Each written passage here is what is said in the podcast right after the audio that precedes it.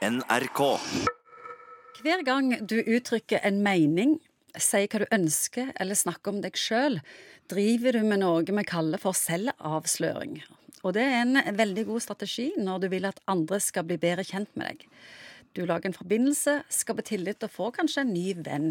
Men den strategien kan òg slå feil. Psykolog Egon Hagen, når er det han pleier å slå feil? Ja, det, Med utgangspunktet må vi si at vi syns jo det er kjekt når folk byr på seg sjøl og er sjenerøse. Og her kommer Ja. jeg, og liksom ikke folk sitter bare med kort og limt inntil brystet, og ingen skal vite noen ting. Så vi liker jo det at folk er litt grann åpne. Og noen ganger er det jo sånn at du kan plutselig treffe noen. Har du opplevd det? At du kan treffe noen som du får en vanvittig tillit til, egentlig. Og du, kan, du har en snakket med vedkommende i 20 minutter, så får du lyst til å fortelle hele livet til denne personen. det, det er nesten skremmende. Ja, Hvor rart det, det kan være. Ja. Det har sikkert noe med at det er ingen forpliktelser i ettertid. Dette skjer på en fly, flysete over til en eller annen plass, og du vet vedkommende forsvinner ut av livet ditt, og du kan ha tatt ganske mye, men uten at du trenger Du trenger ikke møte det igjen og stå Nei. for det seinere. Akkurat. Ingen forpliktelser i ettertid. Men i, i, i vårt heimelige miljø, når er det det slår feil? Ja, nå er vi jo i tid, kan du si, som til de grader. Jeg har jo ment noe om det i ulike sammenhenger, men at uh, rolig nå seiler, går litt fort her, liksom ankeret flyter, og folk forteller for mye om alt mulig. Spesielt på sosiale medier. Spesielt på sosiale medier. Vet du. Og så har du alt dette med promille og på sosiale medier. Før var det jo sånn at hvis du satt inne en kveld og drakk for mye, så var det grenser hvor mye du kunne skjemme deg ut.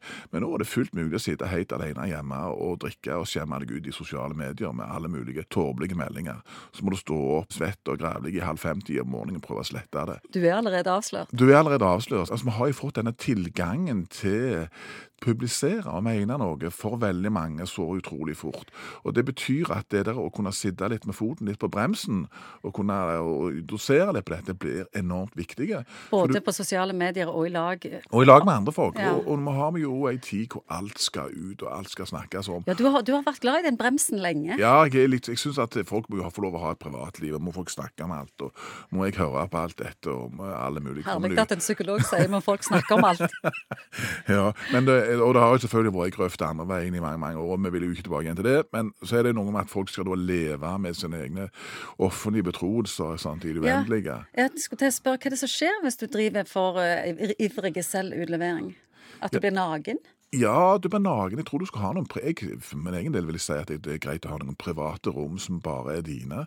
At du kan, eh, du kan være personlig med folk, men det må være noen rom der som er dine, rett og slett, og som ikke skal legges ut til andres kommentarer. Og men nå ser jeg jo at det er jo jo villigere du er til å snakke om alle mulige Jo mer belønning får du. Jo mer belønning får du. Så vi har liksom fått ei, ei, ei samtid egentlig som, som er drevet av klikk og Du får, du får kanskje sånn umiddelbar belønning, men de fleste, veldig mange i hvert fall, som har vært med i reality-programmer og avslørt, de går jo til psykolog i lange tider etterpå og har fått seg denne knekken. Ja, og jeg har jo sagt til mange, at folk som går i terapi hos meg òg, at eh, disse tingene meg de snakker om nå Nå er det sånn at du har vært lukka i forhold til veldig mange av disse tingene i mange år og ikke snakket om det. Og så har du begynt å snakke med meg om ting.